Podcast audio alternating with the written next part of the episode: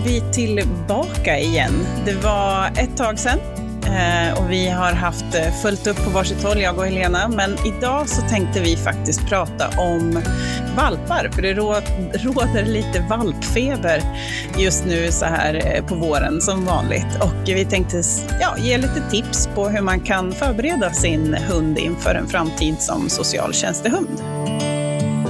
Du lyssnar på Hälsans hundar en podd om sociala tjänstehundar. Hej Sara! Hallå, hallå! Nu var Hur är läget? Jo, men det är faktiskt bra. Det är sol ute, det är sommar.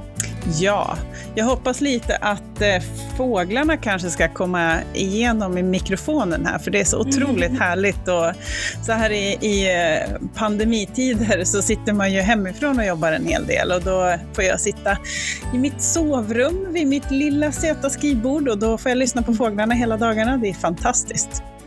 Ja, var det inte dig jag pratade med någon gång när jag gick ut i vår trädgård och så undrade du, alltså du hörde fåglarna? Ja, och det var väldigt det starkt. Liksom. Ja, det låter som en regnskog hemma hos oss. Det är jättehärligt. Uh. Så att, eh, ja, nej. Jag jobbar också lite hemifrån, det gör jag dock alltid. Så för mig är det ingen jättestor skillnad faktiskt. Men det är ju väldigt mycket aktiviteter som är inställda. Så att på så sätt är jag ju hemma mycket mer än vad jag brukar vara. Just det. Kan inte ut och flänga, kan inte hänga hos dig till exempel. Nej. Man ska inte förflytta sig så mycket. Just nu har jag inte så mycket att hänga hos heller, höll jag på att säga, för att vi står ju utan lokaler. Eh, men ja, till hösten, men... då jädrar ska det bli spännande. Ja. Jag gillar er veranda också. Så att... Ja, den är fantastisk just nu faktiskt. Ja. Du, eh, i och med att det är vår, eh, eller på väg in att bli sommar, och också vad det verkar som, lite på grund av just att folk jobbar hemifrån, så har det ju blivit en valpboom i Sverige. Ja, precis. Eh, det ser man ju, dels många skaffar ju valp för att de har planerat det länge såklart. Just det här att, att det är lättare för människor att skaffa valp på våren och sommaren när man kan ta semester och så. Men det verkar också som att väldigt många uppfödare har haft mycket högre tryck på sig nu eh, i och med att folk ja, men vad man tror då, jobbar hemifrån. Mm. Eh, så att de ser möjligheten att kunna ta just en valp kanske. Jag vet mm. inte. Precis så. Så vi eh, tänkte prata lite om det. Vi har nog pratat lite om det här först med val av hund och så, men nu tänkte vi rikta in oss mer på att man kanske har valt sin lilla valp redan. Ja, exakt. Och mm. eh, vi, dels också just, eh, vi kan ju börja egentligen i den änden att vi, vi får väl hoppas nu också att uppfödare och den som köper valpen förstår att det kommer en, ett arbetsliv efter corona. Ja, men precis. Jag bara förutsätter att, eh, att det är så. Att de som skaffar valp nu gör det med insikten om att de sen ska kanske gå tillbaka till jobb och ha det löst. Vad precis. man ska göra då. Exakt. Eh, och såklart att uppfödarna är seriösa och tar reda på hur de ska göra sen, helt enkelt. Ja. Så det tänker vi väl är avklarat. Och så, men du, eh, kompis skaffade du som valp ju. Mm. Eller hur? Ja. Mm. Och jag har också haft några valpar och några vuxna precis som du. Vad är det första du eh, lär in, eller vad gör du med din valp när du får hem den? Nej, men jag, jag har liksom någonstans fastnat ganska kraftfullt i den här vinkelvolten kring passivitetsträning. jag har mm. misslyckats med det med några hundar eh, mm. och har därför känt att den, den absolut viktigaste komponenten är att hitta en bra balans mellan passivitet och aktivitet egentligen. För ofta mm. så har jag en tendens till att skapa höga förväntningar med att när träningsväskan åker fram och vi gör massor med spännande saker, men det kan ibland vara väldigt svårt att koppla av när det sker saker runt omkring. Mm. Så min, liksom, en stor del av liksom, träningsplaneringen för en valp är just ja, men både miljöträning och eh, passivitetsträning, men, det, men också med kvalitet. Så att det, inte, det, det är liksom inte mängden som är viktig, utan att den blir lyckad på något vis. Just det. Du då? Jo, men eh, alltså, dels är det där, du är väldigt duktig på det med passivitet. Jag har slarvat lite grann med det, men jag får det ändå lite eftersom hundarna är med mig så mycket ute i olika miljöer och någon annan hund ska tävla och sådär. Så det blir ju ändå också automatiskt. Jag är inte lika duktig tror jag på att göra en ordentlig plan som jag borde vara. Eh, så det är väl lärdom till när det i framtiden kommer in en ny valp här. eh, någon gång. Det dröjer ju ett tag. Eh, men ehm, eh, utöver det så börjar jag eh, väldigt direkt att lära hundarna klickerträning. Eller lära valpen, alltså förstå klicken som belöningsmarkör. Kanske börja frishapa någonting bara på lek. Alltså backa till exempel. Mm. kommer jag ihåg att jag körde med Ray som är min ja, som är två och ett halvt nu då, men som är senaste valpen. Eh, och det gör att hon än idag älskar att backa till exempel. Så mm. mycket att jag kan få så här något litet skall ibland för att hon blir så taggad. Liksom. eh, för det har hon tänkt ut helt själv hur man lärde sig det när hon var liksom, nio veckor. Eh, så att eh, jag kan börja med lite sådana saker och sen handtarget tycker jag är jättebra att lära in tidigt för den är så mm. användbar. Att jag kan flytta valpen när vi är ute och miljötränar till exempel. Att jag inte alltid måste dra i i sele och, och koppel och sådär utan jag kan be den att komma närmare mig med handtaget till exempel. Just det. Så det är mycket sånt. Såklart lite kontaktövningar och lite sådana grundläggande mm. saker som jag vill ha inför kommande träning. Eh, så att utöver miljö och passivitet då, så är det ju liksom grunder i träningen som mm. jag börjar med direkt. Ja, så länge precis. valpen är bekväm, liksom. alltså att ja. den inte är orolig eller att det är någonting. Nej, mm. Nej men det, eh, det gör jag också, men jag gör nog ganska korta pass där i början för just eh, själva liksom grundträningen den, den finns det tid för också. Någonting som ja, jag verkligen. också då, jag som har haft en hund som har haft enorma separationsproblem, jag tränar ju också yeah. väldigt mycket ensamhetsträning. Mm. Eh, och med det sagt så betyder det inte att jag lämnar något rum någonstans. Utan jag har en valphage i samma rum där jag, om jag står och lagar mat så får hunden vara i en valphage kanske precis bredvid. Eh, men att lära sig att inte helt gå i mina hasor hela tiden. Um, Nej, och där präglas ju vi människor av vad vi haft tidigare, vilket är lite lustigt för att vår nya hund kanske har helt andra svårigheter mm. egentligen. Än mm. vad, ja, så att, men vi, vi går ju på vår erfarenhet, vi kan inte göra annat eh, än att försöka också tänka lite bredare än typ förra hunden. Ja. Ensamträning tänker jag alltid är bra. man än, ja. Alltså vad man än har haft för eh, tidigare tidigare hund, ursäkta. Eh, så, men som, för mig då som har haft, eh, aldrig haft några direkta svårigheter med sånt så, så slarvar jag ju med det mm. eh, på det strukturerade sättet som du gör. För att mina hundar bara, de är också av raser som är ganska så här, självständiga mm. och chillar. Liksom. Så de kan ju ligga i något annat rum även som valpar. Ligger ja. de och sover och så kan jag ju gå upp på övervåningen och så kommer de på att ja, men jag går väl efter efter en mm. stund. Så det där beror ju också på såklart vad man har för för hundar och hundindivider. Men, men valparna absolut skadar inte att börja den träningen eller ha en tanke på den så som du faktiskt har. Nej, precis. Och, och det också hjälper ju såklart om man har trygga vuxna individer som valpen får lära sig ja. av. Jo, men såklart. Ja, och det som jag också kan tendera att slarva med det är ju det där med att träna ensamträning utan andra hundar. Mm. För den dag de skulle behöva vara helt ensamma. Um, men det, dels så blir det lite där när man tar med sig någon hund och kanske i bilen, att de alltid är lugna och trygga i bilen. Ja. Att de trivs där.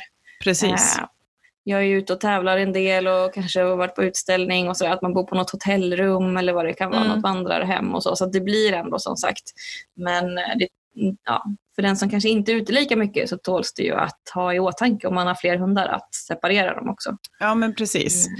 Ja, men jag tror också framförallt göra ett, ett, en liksom liten kartläggning över hur ser min, mitt liv ut? Vi, vad gör vi på fritiden och vad gör vi på semestrarna och hur kan jag förbereda min hund på bästa sätt? Åker vi husvagn? Ja men då måste ju hunden husvagnstränas eh, ja. ganska omgående liksom, så att den är trygg när man sen ska då lämna hunden i husvagnen en liten stund hund eller att man ska sitta och fika och det går förbi hundar på hundar, en precis. meters avstånd för att husvagnsplatserna är väldigt smala och korta. Liksom. Ja men precis och också kanske vad får jag lite gratis i med det här att vi är ute mycket eller jag då som är ute och tävlar eller vad mm. det kan vara.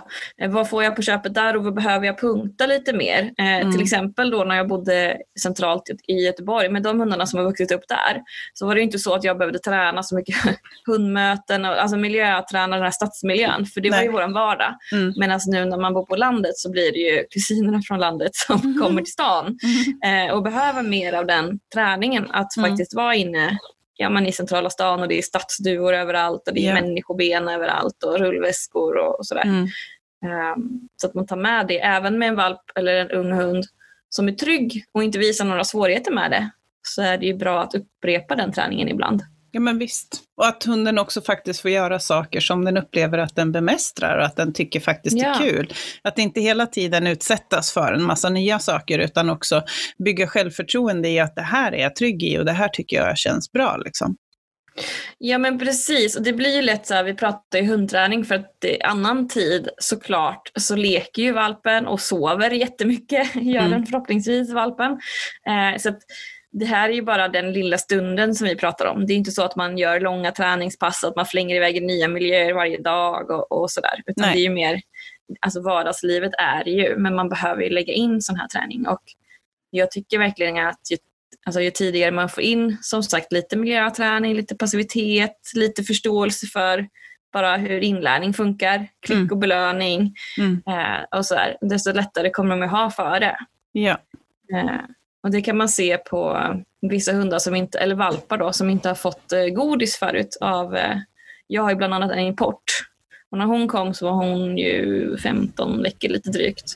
Just det. Eh, hon förstod ju inte när man höll i en godis i handen, för hon hade aldrig fått godis från handen. Nej. Så det tog ju inte lång tid innan hon greppade det konceptet Nej. förstås. Men det som vi tar som så självklart att vi är här och så håller vi fram en godis. Ja. Eh, det förstod inte hon överhuvudtaget att det kunde komma någonting på det sättet från, från mina händer. Eh, så att, eh, och där ser man ju då hur det påverkar. Alltså mm. den lilla grejen som att bara så här, klick betyder godis. Mm. Och jag blir glad när jag gör så här och när jag applåderar dig eller tjoar. Mm. Och, och mm. leka tillsammans. Liksom. Apropå lek så är ja. ju eh, leken väldigt bra att, eh, att ge hunden eh, bra erfarenheter. Jag tänker just det här med att man också kanske behöver förbereda hunden på olika typer av miljösituationer som underlag, ljud, eh, föremål som ser olika ut och så vidare. Jag vet vissa till exempel gör ju godissök i bollhav och vissa mm liksom eh, gör, eh, leker och busar på olika typer av underlag och liksom att man, man alltid bygger upp en bra plan kring eh, det man ska träna som man ska ge hunden goda erfarenheter i så att hunden också faktiskt får något, alltså ett, ett mervärde av att göra det här. Mm. Ja, Ja men precis. Och där kan man använda leken ja. Och också, eh, det ser man ju en del uppfödare gör, race-uppfödare gör ju bland annat det, att redan när de är ganska små, så när de är 6, 7, 8 veckor då innan de precis flyttar, att eh, hemma hos uppfödarna också, att de får leka med varandra, och de får bröta runt och, och hon har någon sån ställning där de hänger upp liksom petflaskor och leksaker och, och, grejer. Ja, de är ganska dedikerade för de har ju byggt ett eget litet valphus med en, en valphage utomhus med ja. nät så att inte fåglarna ska kunna ta valparna och sådär. Men där har de ju jättemycket spännande saker att undersöka. Eh, och just att valparna får det både innan mm. och efter att de flyttar. Mm. Eh, för det blir ett lättsamt sätt att lära sig att ja, men det är inget konstigt att gå i ett bollhav. Nej. att Nej, saker rör sig. Och... Det där fick jag kvitto på faktiskt i förra veckan här när, när jag var iväg och besökte en stor gård med en massa märkliga djur och eh, dofter. Eh, kompisuppfödare gör ju precis likadant, de är väldigt lika din uppfödare yeah. och, och min. Och eh, mm. där vet ju jag att innan jag hämtade kompis så hade han full kontroll på både kartongtorn som kan vältas och, och låta lite grann och det var agility-tunnlar och det är babygym och diverse olika yeah. saker. Liksom. Eh, och då förra veckan så var ju vi och besökte en stor gård med både kameler och denna gigantiska sugga som är till midjehöjd på mig, som kommer springandes över gården och jag bara så här, halleluja, det kommer ah. folk! liksom. och, och då börjar hon klia den här stora eh, grisen, så hon la sig ner och kompis är jättesnabbt fram och börjar nosa på henne och på klövarna mm, och i mm, ansiktet och allting. Liksom. Inte ett dugg rädd, utan bara så här, han var ju försiktig såklart. Ja, det är ju men, korrekt av honom. ja, men man hade ju kunnat förvänta sig att han skulle typ dra eller skälla ja. eller liksom någonting sånt. Men han var bara nyfiken. Mm. Eh, och när kamelen liksom doppar ner huvudet, liksom, det gigantiska huvudet som är lika stort som kompis, eh, så var han också bara så här, hallå där, vem är du? Liksom. Jättekul. Ja, och det är lite där, det är det man vill uppnå med den här tidiga miljöträningen eller liksom föremålsträningen eller vad man ska kalla det för. Det är ju just en säkerhet inför främmande saker och även miljöträningen vi gör. Mm. Det är ju för att när hunden får undersöka saker upp och liksom som du säger bemästra det, alltså den blir inte skrämd, den undersöker och tycker att det är spännande. Mm. Då blir ju ytterligare ett föremål sen, eller ytterligare mm. en miljö, blir ju liksom inget konstigt för det är ju så här livet är. Det kommer massa konstiga saker ibland och mm. djur och ljud och, och miljöer och sådär. Um, sen är det ju än en gång, det låter som att man håller på så hela dagarna, dygnet runt, men det är inte det det handlar om, utan Nej. det är just eh, som aktivering och eh, ja, väldigt korta, väldigt ja. korta pass. Liksom. Eh, ja, som anpassas efter ålder och, och allt så. Ja, exakt. Och jag tänker att man också behöver inte göra en sån jättestor grej utav det, annat än att man faktiskt ska ändå tänka till vad man vill ha, eh, liksom vad man vill ge hunden för förutsättningar. Jag minns att när jag började instruktörsutbildningen så blev jag, alltså det var en riktig sån här aha-upplevelse när man skulle göra en belöningslista på hundens olika ja, eh, typer av belöningar. Och jag var så här, men vad då? Leversnittar liksom. Mm. Och så sen upptäcker man att, eh, för då, det var så häftigt, för då hade, fick vi liksom en bricka med olika typer av eh, godis och leksaker. Och så mm. fick vi liksom tillsammans gå på den här buffén, jag och min dåvarande hund, och upptäcka liksom, vad gillar du, vad gillar du inte? Och det är ju ja. det är rätt häftigt egentligen. Och liksom, jag tror att det är många hundägare som kanske bara säger, om de går in på djuraffären och så köper de något godis och så liksom förväntas hunden tycka att det är det jag ska jobba för. Ja. Eh, och så kanske det visar sig att pannkaka är liksom det godaste. The shit liksom. Ja, eh, och också att det kan variera. För att har man ätit mycket pannkaka, eller som mina då, jag tränar ju ofta på köttbullar. Så här. Det är mm. enkelt att köpa och det finns, alltså så. Mm. Eh, och eh, min kompis eh, stekte hemmagjorda sådana med bara köttfärs i. Liksom. Mm. Eh, köttfärs och ägg till hundarna. Mm. så att, eh, Alltså till mina hundar. Så att ehm, ja, nej men det är enkelt. Men eh, det gör ju också att de är väldigt vana att få det. Så att när de istället kanske får lite kyckling eller liksom någonting helt ja. annat så kan ju det bli supergott eller korv eller liksom någonting. Ja, att variation också ja. gör sitt. Och just och ett, ett superbra tips är ju att eh, snabbtorka eh, renskav som finns mm. på, eh, i frysdisken som är som färdiga ark, så kan man lägga dem på ett papper och torka dem i mikron och det blir liksom jättebra hundgodis. Många köper ju sådana här små tork... Vad är det för något? Är det. Vad är det man torkar i dem egentligen? Jag är lite dålig på hushållsapparater, men jag tror att det är någon slags, eh, kan det vara bär och så man ska torka egentligen? Eller vad brukar man torka egentligen? Det är någon rund grej och så lägger de liksom, istället för att köra de kött i det. Ja, men, men Gud, lägger de dåliga. det i någon maskin menar du, eller? Ja, Ja, Aha. som en rund liten apparat så torkar det. det. ja, ni hör ju som lyssnar, jag är inte så hemma i köket. Men Torkapparat för kryddor kanske eller någonting sånt? Jag vet inte. Jag får bakläxa på det. Ja. Men kontentan är i alla fall att man kan torka både, alltså på många olika sätt. Mm. Um, och jag vet att många eh, som skaffar en sån lite billigare mojäng så mm. man köra i sin egen ugn beroende ja. på när man ska köra lite kycklinghjärta och sånt som en del gör. Mm. Och blodpudding brukar ju många köra också tärna ja. upp det och, och torka i ugnen. Det är också väldigt smidigt. Det finns ju jättemånga olika sorters eh, godis helt enkelt. Eh, och där är det ju också, det man kan ha i åtanke är väl mer om man har en hund som är väldigt, väldigt het på godis. Att eh, det kan vara för gott godis ibland också så att de inte ja. riktigt kan koncentrera sig eh, när, de, när man tränar eller så. Att de Precis. blir så låsta istället. Precis. Så det gäller också, att hitta balansen. Ja, precis. Apropå just det här med eh, att hunden blir het på vissa typer av godis eller leksaker, så är det också en sån ganska viktig grej att, att börja jobba med ju impulskontroll också. Ja. Eh, och just det här med artigheten eh, kring att lära hunden loss och alltså gripande Kontakt, signaler och eh, belöningssignaler och, och, så vidare, att de lär sig ja. vänta på sin tur och så. Och att faktiskt hjälp hunden att förstå vad, vad, man vill istället för att man blir förbannad och ska bända upp någon käke när man leker och så vidare. För det, det sättet är liksom inte trevligt. Man kan ju bara tänka som ni byter plats, du och hunden. Ska hunden då bända upp din mun för att du tycker att det är jättekul att hålla i den här leksaken? Liksom?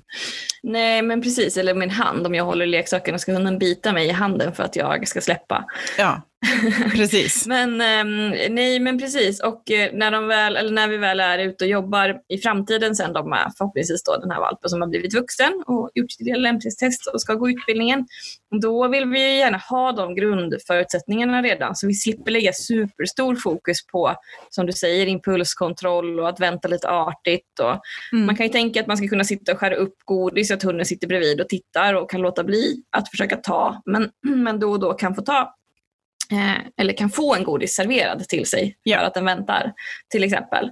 Eh, och apropå allt det här så har ju vi faktiskt en eh, vad heter den? Förberedande utbildning. Yes. Ja, som är för liksom, valpar och unghundar i väntan på att man vill göra ett lämplighetstest. Och det är ju ingen garanti att man kommer klara ett lämplighetstest för det finns ju inga förkunskapskrav på den utbildningen utan det är ju en form av grundkurs där vi har valt ut sånt som vi ser är bra att ha i sin hund mm.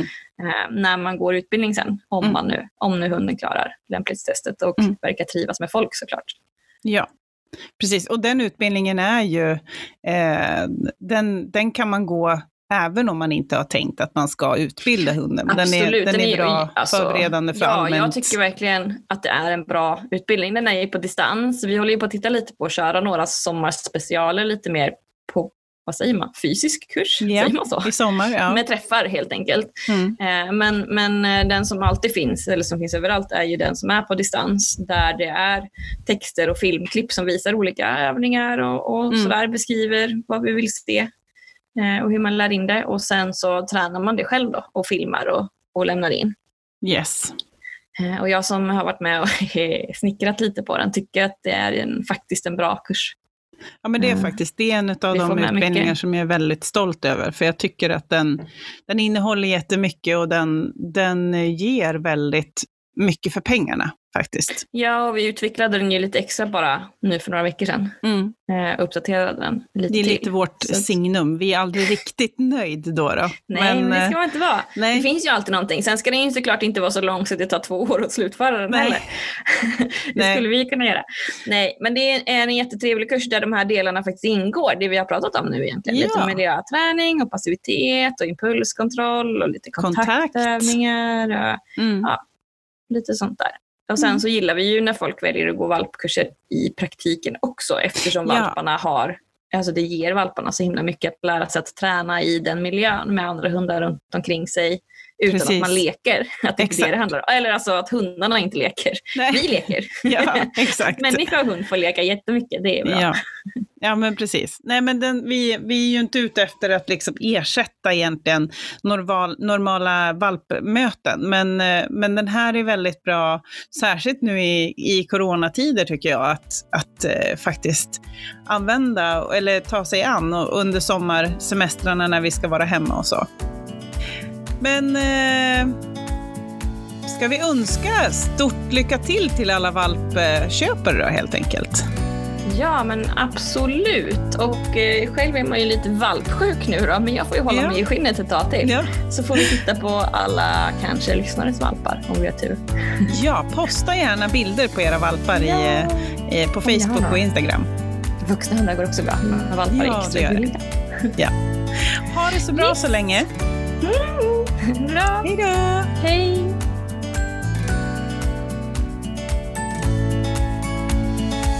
Du lyssnar på Hälsans hundar. En podd om sociala tjänstehundar.